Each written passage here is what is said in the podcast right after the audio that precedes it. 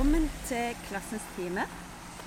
Jeg heter Birgitte Wergeland, jeg underviser pedagogikk på PPU og lektor. Og i dag så skal jeg møte to studenter. Dere hører kanskje at jeg er ute og går.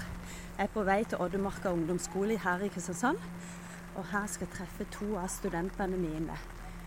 Fordi jeg syns eh, de har bidratt med noe veldig spennende inn i læringsmiljøet. Både i seminargruppene våre på PPU og når vi er ute i skolene, nemlig kreativitet og improvisasjon. Så nå ser jeg de er her borte. De har funnet ly, det regner. Så skal vi se om vi kan klare å komme oss inn på skolen.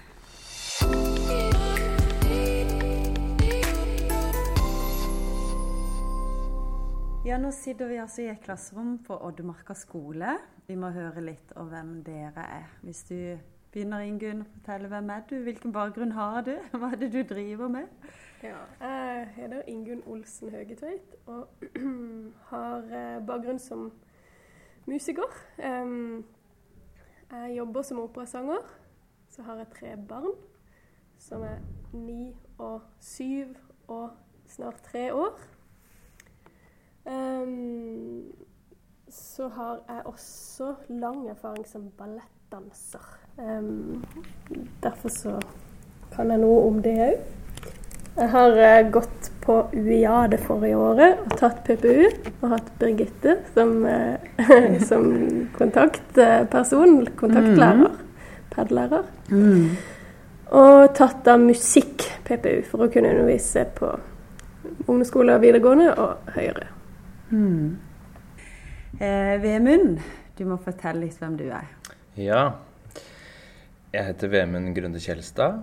Og jeg er også musiker og sanger. Um, og har um, ehm, jobba lenge med ja, kanskje ti års erfaring med vokalgrupper og kor. Da, som instruktør, som leder av uh, sånne ensembler.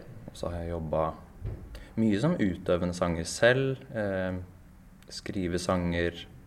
Og veldig mye med improvisasjon, eh, improvisert musikk. Så man liksom skaper musikken i øyeblikket. Så har jeg tatt eh, Ja, jeg har litt forskjellige musikkutdannelser. En bachelor og en master. Eh, så har jeg nå eh, gått sammen med Ingunn på PPU mm. med musikk som eh, hovedfag. Mm. Og har fått jobba med musikk både i ungdomsskole og videregående. Og testa ut mye mm. forskjellig type musikkundervisning.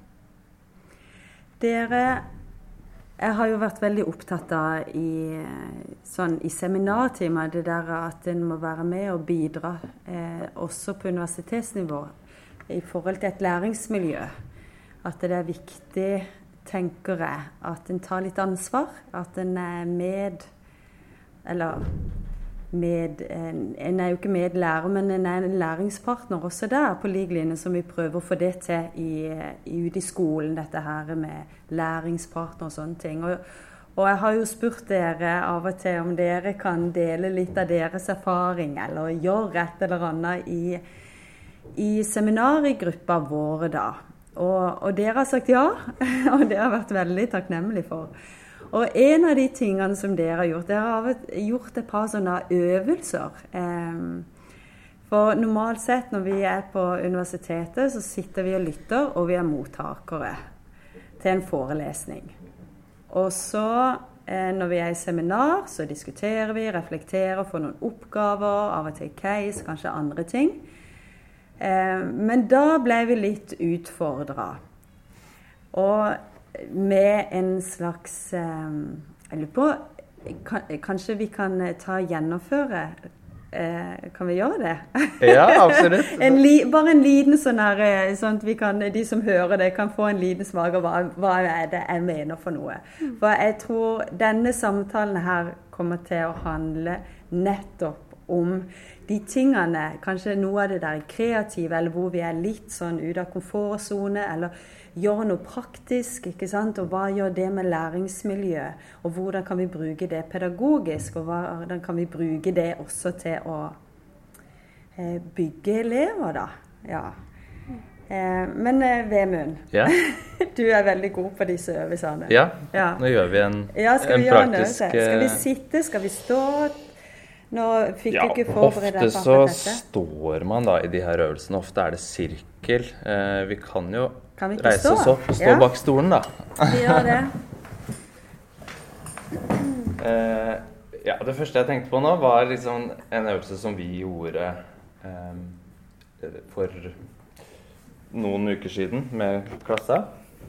Og det er en typisk øvelse som man kan gjøre i starten av et skoleår. Eh, sånn bli kjent-lek. Eh, såkalt navnelek. Men at man gjør noen bevegelser med kroppen samtidig. At man holder liksom samme rytme. Så nå prøver vi. Ja. Eh, nå skal vi trampe med høyre fot. Så bare prøv å gjøre det samme som meg. Så det blir Ja. og klappe. Tramp, klapp, tramp, klapp. Og fint. Og regla går. Hei på deg. Hvem er du? Hva heter du? Og så sier jeg mm, Jeg heter Vemund. Så svarer dere. Du heter Vemund. Så sier jeg. Jeg heter Vemund. Så sier vi. OK, så er det din tur. Hei på deg. Hvem er du? Hva heter du? Jeg heter Ingunn. Du heter. Jeg heter Ingunn. OK. Hei på deg. Hvem er du? Hva heter du? Jeg heter Birgitte. Du heter Birgitte. Jeg heter Birgitte. OK. Det, dette er veldig interessant, for det vet jeg også. Normalt sett er jeg vant med å synge, vært med liksom barneteater eller litt sånn eh, i oppveksten.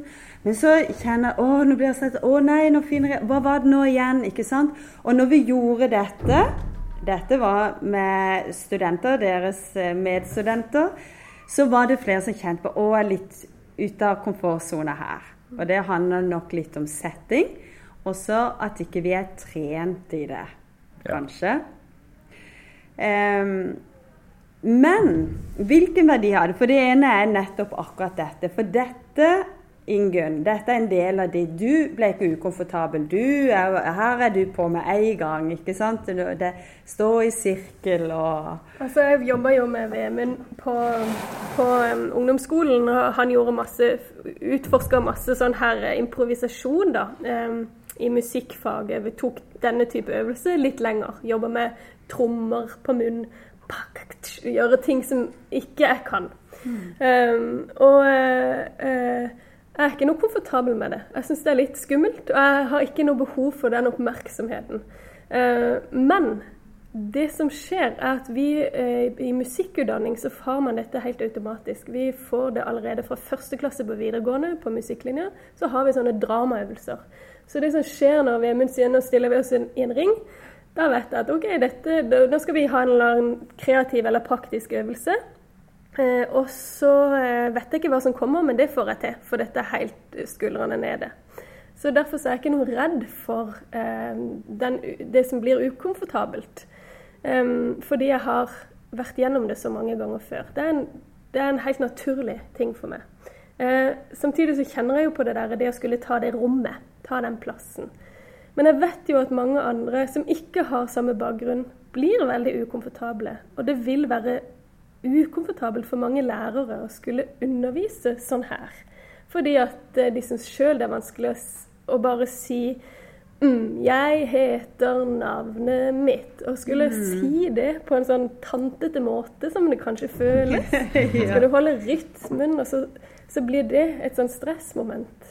Og jeg har lyst til å bare være litt i, i følelsene. Eh, for noe Når jeg merker jo det, Vemund, når du gjorde dette i seminartimen hos oss, så da For tidligere Vi var litt sånn alvorlige, vi var ukjente for hverandre. Eh, jeg tror kanskje Jeg vet ikke om jeg tenker veldig på prestasjoner. At det òg gjør at en blir litt sånn stressa. Men da kom smilene fram. Mm. Eh, og begynte å le mer. Og det ble en helt annen dynamikk i rommet. Noe skjedde i rommet. Det var veldig, veldig tydelig, syns jeg da. Når jeg, for jeg, stod, jeg kunne liksom se alle og ja. Jo, men det var min opplevelse også. ja. Eh, og det skjer jo noe med følelsen. Man ja. slipper skuldrene ned. Man får øyekontakt med folk. Man må stå på en helt annen måte og forholde seg til de andre i samme rom på en helt annen måte. Eh, og, og, og, det gir eh, er en trygghet. Du får eh, lov til å ta den plassen, og du får samtidig gi den plassen til alle de andre. Så vi er helt på samme linje. Mm. Alle gjør det. Alle uh, Det skaper en stemning, et fellesskap, som er godt for følelsen etterpå, som gjør at vi har Eh, garden nede resten av timen. Mm. Ja, jeg tenker akkurat det at det er, det er, noe med det at man gjør noe sammen. Og man, det der med å uh, gjøre Eller gå i takt. Eller liksom gjøre liksom den samme rytmen. Det er, det er forska mye på det at det på en måte skaper positive følelser. Man kan jo bare tenke på de som marsjerer, hvor uh, følelsen uh, som skapes da, når man liksom holder samme tempo, vi gjør det her sammen. Og samtidig så er, jo, eh, er det en øvelse som, eh, som gjør at hver enkelt person eh, blir fremhevet. Sånn at alle andre ser på deg, og du er viktig måte, for fellesskapet. Så man får liksom den oppmerksomheten og får plass til å skinne da, og være seg selv. Og tørre å være seg selv og vise seg selv til de andre og bli akseptert tenker jeg som det sentrale. Ja, og da, tenker, nå sitter vi på en ungdomsskole. Uh, og er det sånn en kjenner nesten liksom lukta Ikke sånn mye hormoner og det ene og det andre og parfyme og ja. Uh, og det er jo en alder vel som er kanskje prega av usikkerhet på seg sjøl, da. Og i hvert fall når en er rundt og besøker, så ser jeg mange ganger usikre blikk på de andre i klassen i forhold til det å våge å si ting, tørre å spørre spørsmål eller svare på spørsmål eller um, for, for, med en gang når jeg stiller meg opp i den sirkelen, så tenkte jeg å, dette må jeg få til. Dette burde jeg få til. Men så forteller du, Ingunn, at dette var du vant med fra i hvert fall videregående, når du begynte på teater. Så den derre muligheten til å gjøre det mye Altså bli varm i den type øvelser òg kanskje å bare liksom Vi og alle Det handler ikke egentlig om prestasjon, det handler om å være sammen. Om mm. den, det fellesskapet, da. Ja. For det er noe med den tryggheten der, og kanskje da gjennom det også skape trygghet til hverandre. Absolutt. Det er eh, men dette Jeg tenker dere er kreative, skapende mennesker begge to.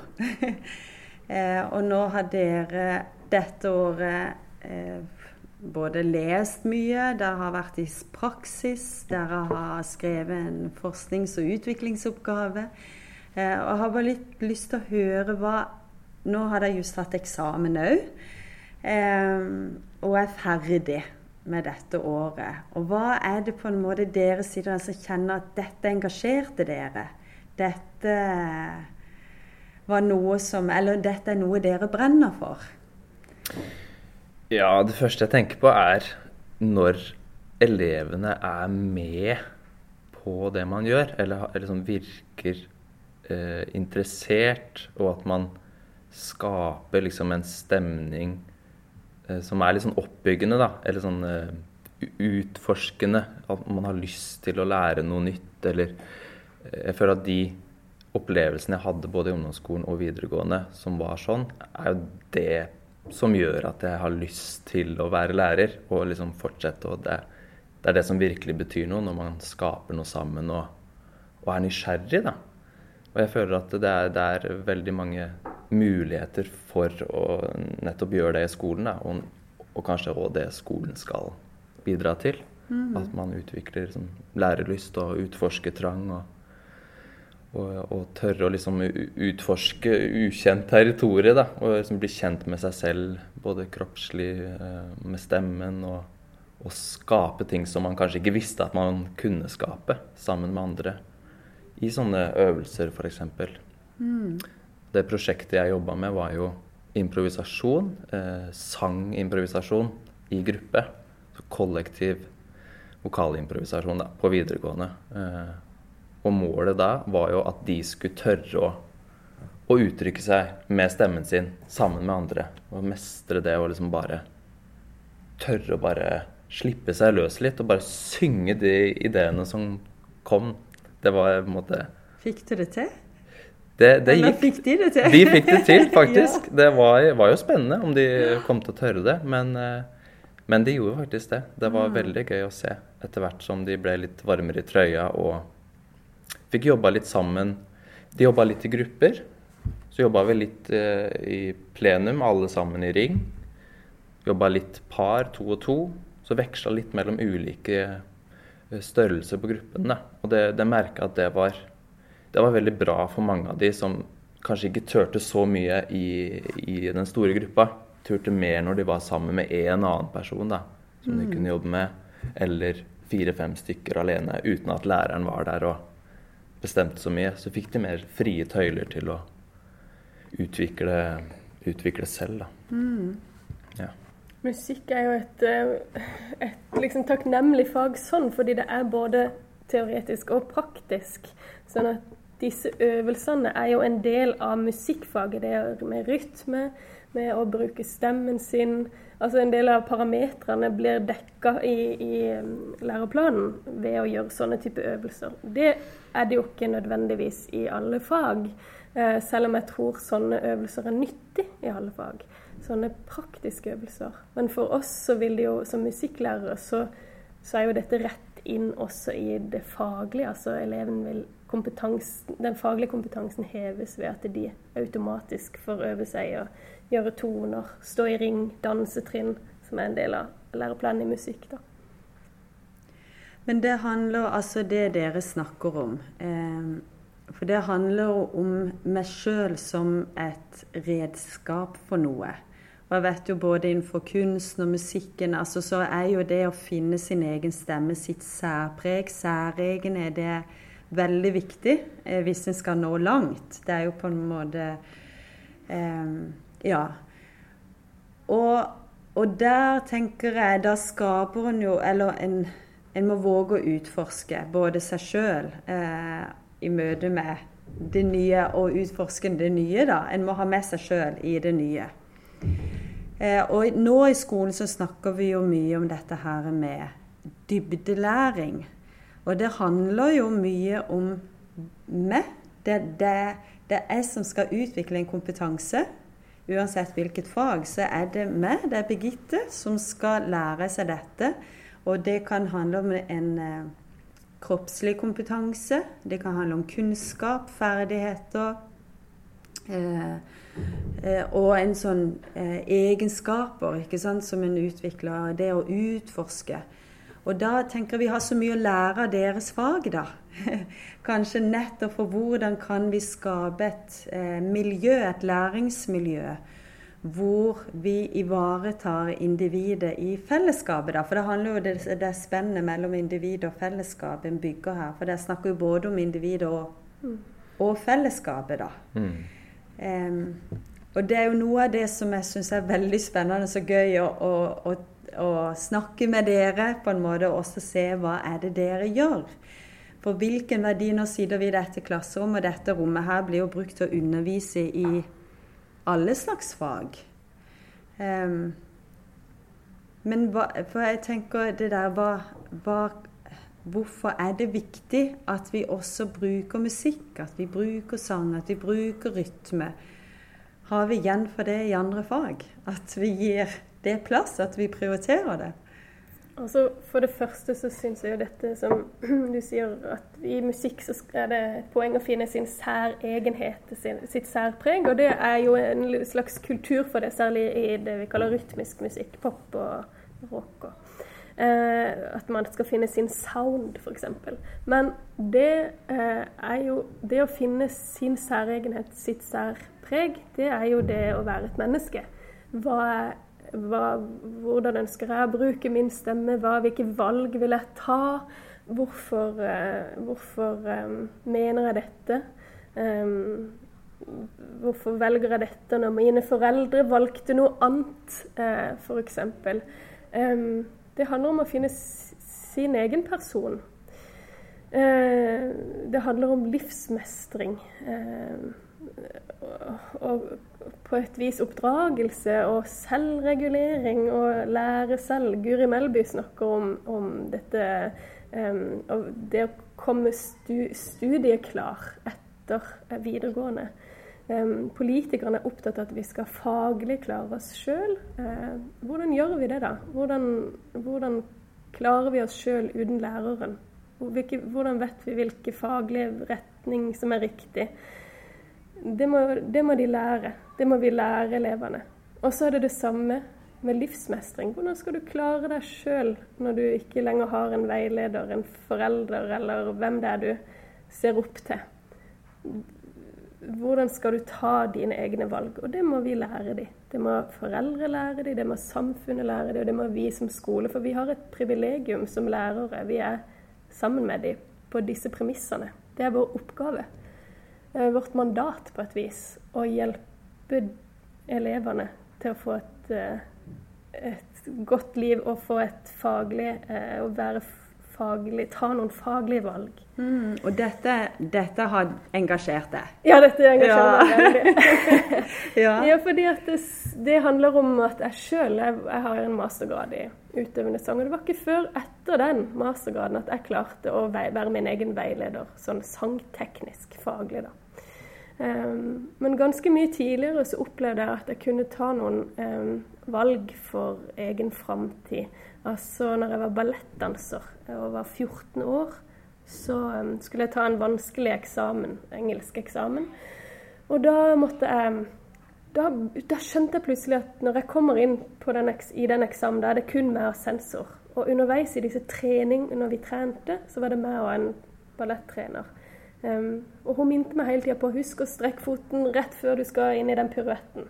Og det, og det, gjorde at jeg klarte den piruetten. Så hver gang jeg, hver gang jeg gikk inn i den piruetten, så, så, strakk jeg foten fordi hun minte meg på det, og så, um, og så, gjennomførte jeg det fint. Så kom jeg på eksamen, og så sa ikke hun lenger 'husk å strekke den foten'. Så glemte jeg det. Jeg hadde ikke automatikk i å, gjøre det sjøl. Uh, og så kanskje Så, så mestrer jeg ikke den, da. Og konsekvensen kunne være at jeg strøyk på eksamen.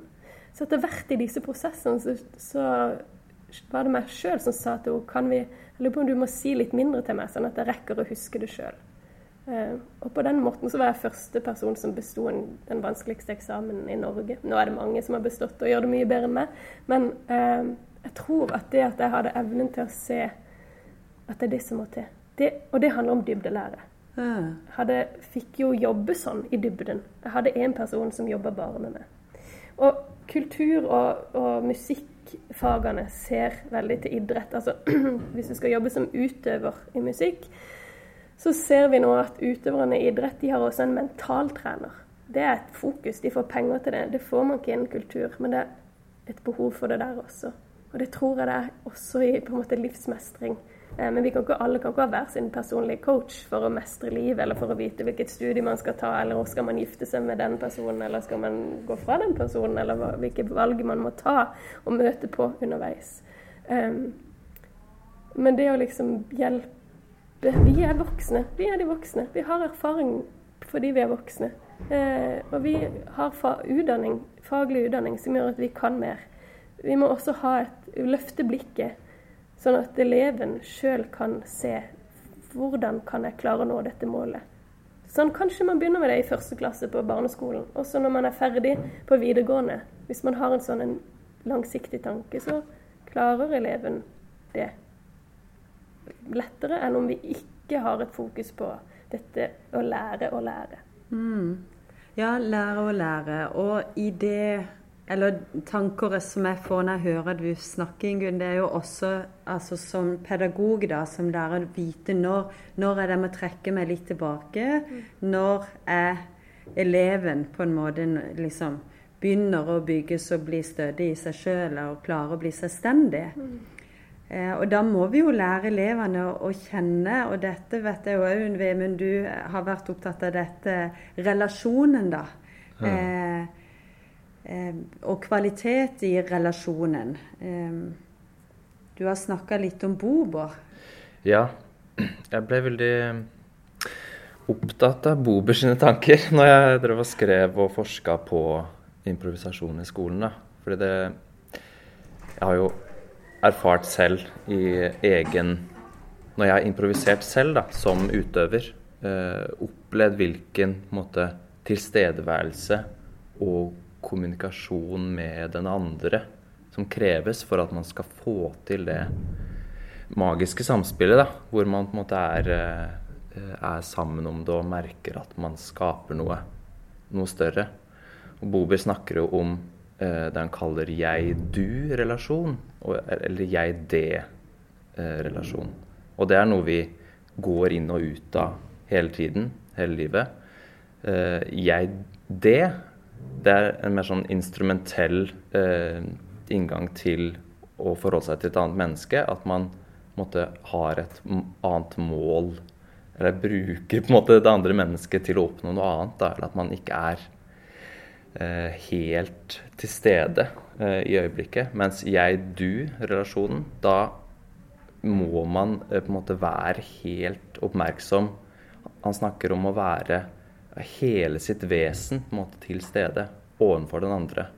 Så det er overført til um, undervisning eller til uh, sam samtale, f.eks. At man liksom får en hva som gjør at en samtale flyter. Da. At man får det til å veksle fram og tilbake. Det er nettopp det som det relasjonen, eh, inngangen man har til det her. Mm. Det tenker jeg òg er viktig i Spesielt viktig i når man f.eks. lager musikk sammen. Men òg når man skal samarbeide om en oppgave sammen med andre. At man gir den andre plass. Tar plass selv. Det er sånn den balansen her, da. Eh, mm. å, å få til det. Så det, det, ble jeg veldig opptatt av. Og jeg kom vel fram til at det Jeg lagde tre nivåer, måte, eh, som jeg kaller ja-og-holdningens tre nivåer. Ja, fortell. Eh, og det handler liksom om eh, Man kan tenke på det som eh, et levesett, nærmest. Hvordan man forholder seg til andre mennesker generelt eh, i livet. Men også hvordan man da konkret gjør det i en musisk eh, situasjon hvor man musiserer. Så det første nivået det handler om å, å, tørre å slippe seg løs. Tørre å kaste seg ut i det ukjente og bare synge ut en idé man har. Så jeg brukte en øvelse hvor vi lata som at vi sang i dusjen. Fordi det, liksom, det skulle liksom være litt sånn uh, kjent, da.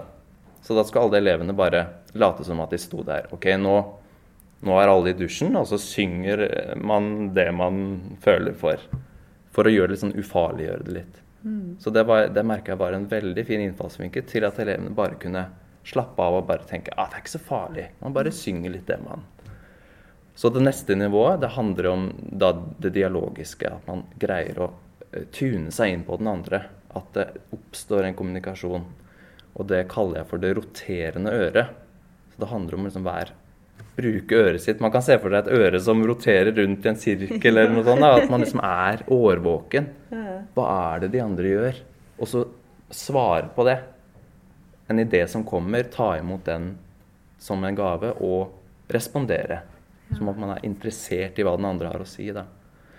Og da, når man først får til det, så har man muligheten til å oppnå det eksistensielle møtet. da, Og få til et sånn bobersk møte hvor man er fullt helt til stede, og man kjenner at det her løfter seg. Det er liksom magi, eller det er eh, Man eh, kaller det for flow experience.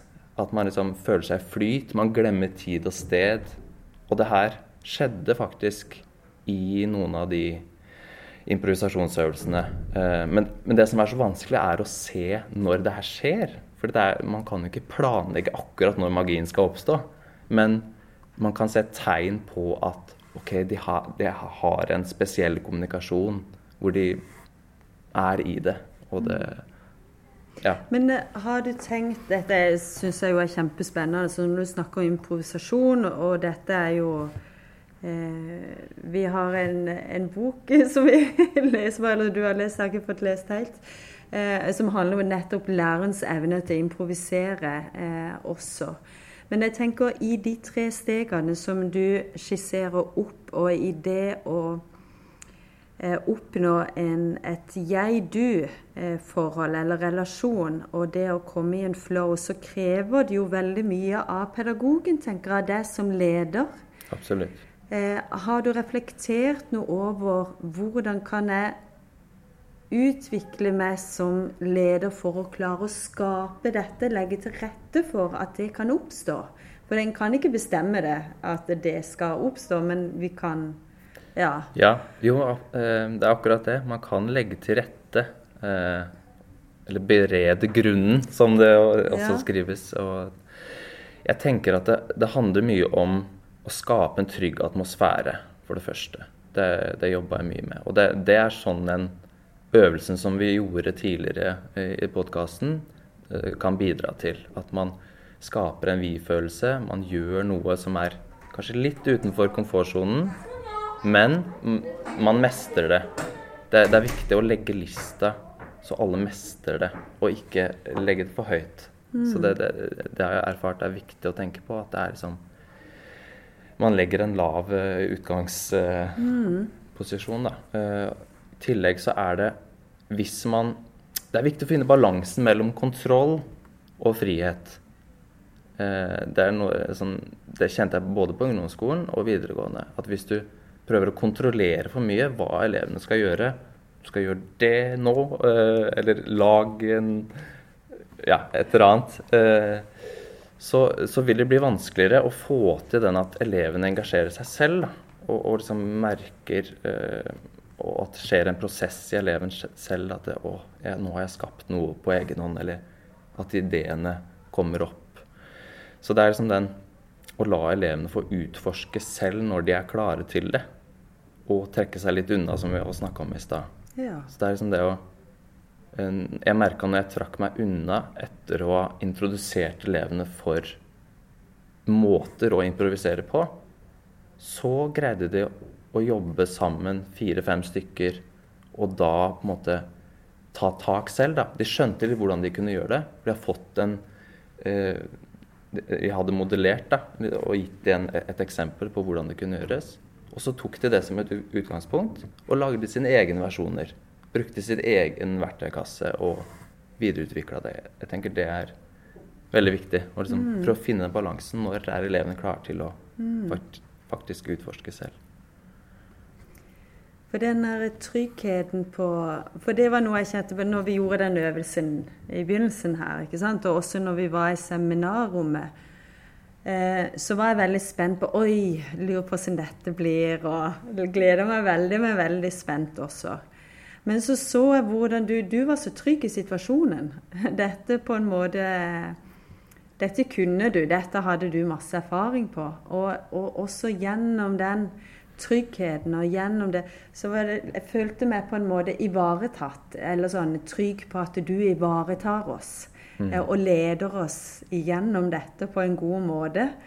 Ikke sant? Og, og, og, i det også da på en måte stoler på det at eh, at her blir vi ikke stående igjen og føle oss veldig dumme, eller på en måte at en klarer det der å bygge på en måte det, At det blir noe positivt, da. At mm. det bygger. Eh, Sånn at eh, en, en, må være litt på plass i seg sjøl som pedagog, tenker jeg, for å lede gjennom. Men en må jo trene seg litt i det òg. Ja, absolutt. Eh, for det, nå har vi jo vært gjennom en lærerutdanning, ikke sant. Og, og her er det jo også veldig mange unge som har kommet rett fra videregående, gått i studier, og så de, er de lærere plutselig og skal stå i klasserommet. Um, så det handler vel da om å ikke ta seg sjøl høytidelig i, i, det å leke, men være en, en som leker med elevene, da, på en måte, kanskje. Jeg vet ikke. Ja, altså Det ukomfortable er jo ikke nødvendigvis dumt å, å, utforske sine egne grenser på. Og, og, pushe sine egne grenser på både for voksne og for elever, eller barn og unge. Um, ja, for hva, Hvordan tar en det videre, da? Ikke sant? Du ser som pedagog at her er det noen elever som er veldig ukomfortable, dette var ikke så greit. Eller jeg sjøl kjenner på at det nå Men vet at det kommer en, en lignende øvelse neste dag eller neste uke. Og da er vi jo inne på selvregulering, vel kanskje. Hvor, hva gjør Ja, og så fremdeles uh, ivareta det trygge. Den, det trygge miljøet da, hvor dette skal gjennomføres. Fordi at det vil være sånn for meg også, som voksen. Og at det finnes situasjoner som er ukomfortable å være i. Og det betyr ikke at det er dumt for meg. Mm. Uh, det, det så lenge det er trygt og jeg ikke føler at jeg dummer meg, så vil det bare utvide mine grenser. Og det er også noe vi må hjelpe elevene i, på en måte. Men hvordan, det er jo Vemund eksperten på, tror jeg. Eh, han har jo så mange gode øvelser. Men jeg, ja, ta det nå. Ja, jeg tenkte på det. Eh, det. Jeg tror det handler litt om den frykten for å feile. Eh, det var i hvert fall det spørreundersøkelsen min viste, og det jeg erfart i ungdomsskolen at det er kanskje den som overmanner litt, da. Eh, hvis man da For de elevene som da kanskje ikke tør å være med på øvelsen, eller, eller begynner å sette seg litt imot og uh, syns det er vanskelig. Så jeg tenker det er viktig å, å gi det også At det er lov å på en måte ta den tida man trenger, kanskje, til å uh, Til man er klar til å bli med. Av og til så trenger ikke alle være med med en gang. Eller er, man prøver å være litt sånn fleksibel òg. Uh, eh, man skal jo ikke tvinge noen til å bli med heller. Mm. Men det er liksom det å, å, eh, få de til å innse at det er, det er noe vi gjør sammen, og det er ikke egentlig mulig å gjøre feil.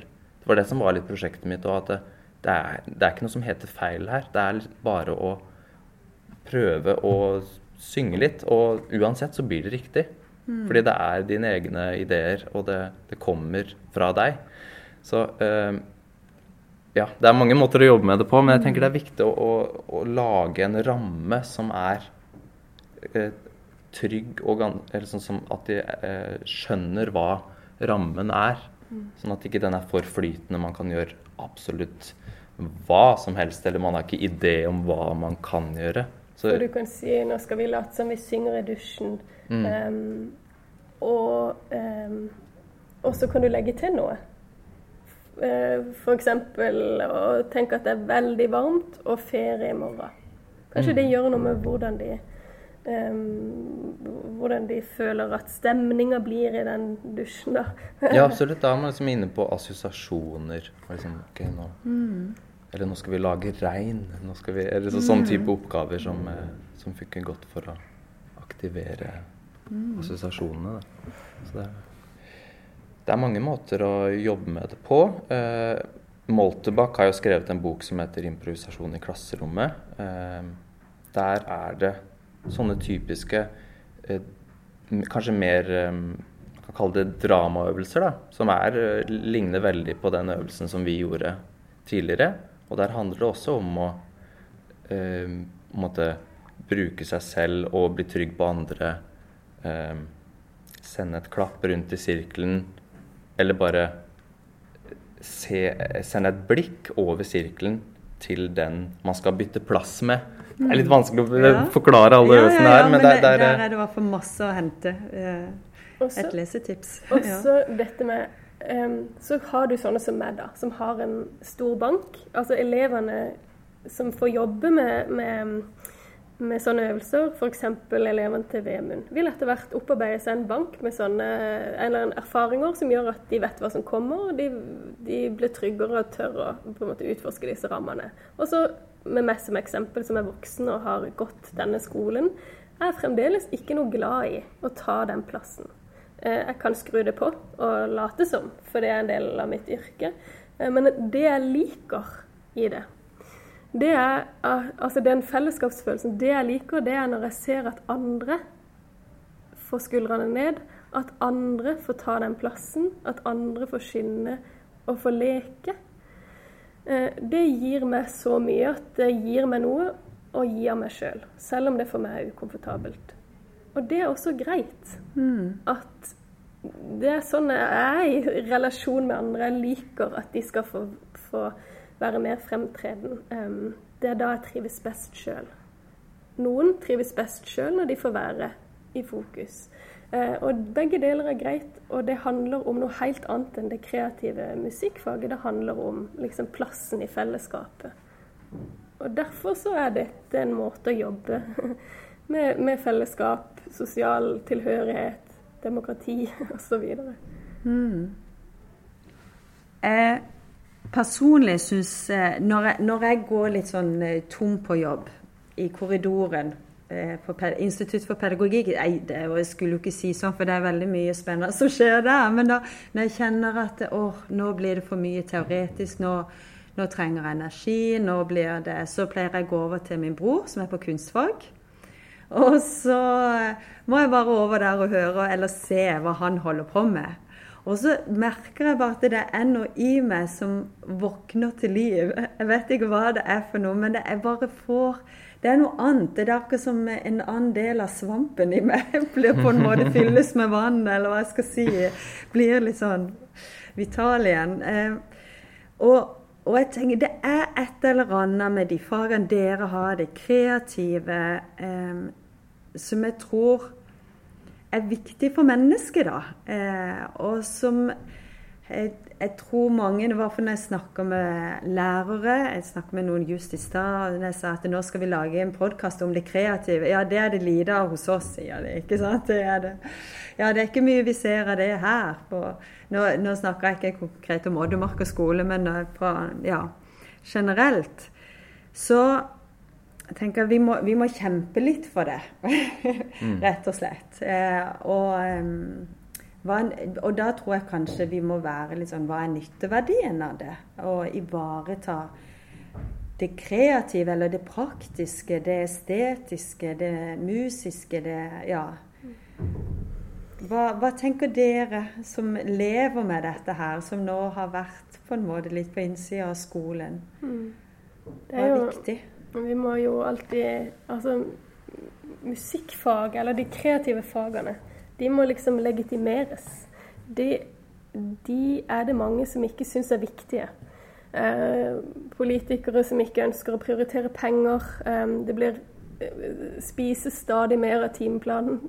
Eh, det er jo forskning. Altså for oss, vi, vi som lever og jobber i det, vi, for oss er, er det selvfølgelig et helt nødvendig fag. Og ikke fordi at eh, ikke for, ikke for det skapende Eller ikke bare for musikken eller teaterforestillinger eller selve utstillinga, men alle disse prosessene. Hvordan hjernen brukes. Det, det er forska på det. Eh, mennesker som har musikkutdanning, og da har musikkutdanning altså Premisset vært at man har lært et instrument hos en profesjonell lærer, altså en lærer som har utdanning som lærer eh, i musikk, um, i mer enn to år. At man har gått i mer enn to år og spilt et instrument. Um, har man forska på, på, de som har gjort det, ved å putte de inn i en sånn MR-maskin, sett på hjerneaktivitet. Så har man sett når de leser og når de eh, regner. Og så har man satt på musikk og sett hva som skjer med hjernen når, eh, når de lytter til musikk. Og da lyser hjernen opp på helt nye og flere områder enn det på de to første. Som viser at den bruker hjernen på helt andre steder og veldig mange steder på en gang. Eh, så har man sett koblinger mellom venstre og høyre hjernehalvdel, som alle har. Men som disse som har musikkutdanning, hos de går koblingene fortere. Så man eh, tenker raskere, og man kommer seg raskere inn i, i problematikken. Um, pro problemløsning er um, disse menneskene uh, gjennomsnittlig litt uh, kjappere på. De er mindre redde for å gå i, i, i, ubehagelige situasjoner, og da kan man regne f.eks. det å lære som en ubehagelig situasjon, sier forskere. Så mennesker med musikkutdanning vil lettere føle seg komfortabel med å ta tak i utfordringene for å løse de, for å komme seg videre. Så har man også sett på hjerneaktivitet til babyer som er mellom én og tre dager gammel. De er jo bitte, bitte små. Um, putta de òg i en MR-maskin og hatt uh, uh, rause foreldre da, som har sagt ja til det. Så har de mor til barna, eller far sikkert, uh, snakka. Og da ser man, altså når babyen hører foreldrenes stemme, så uh, lyser den opp på de samme plassene som disse som lytter til musikk. Det betyr at de på en måte hører mor og fars stemme som musikk. Og det betyr igjen at alle er født med samme premiss eh, for å kunne være, lære seg et instrument eller være musiske, kreative. For mange voksne eh, er jo redde for, eh, eller opplever at de ikke kan synge, eller er redd for at ikke de har disse, dette samme utgangspunktet. Uh, men det er vi altså medfødt. Det finnes noen bitte få mennesker, noen få prosent i verden, 4 prosent tror jeg det, som har det som heter amusi. Det er å være tonedøv.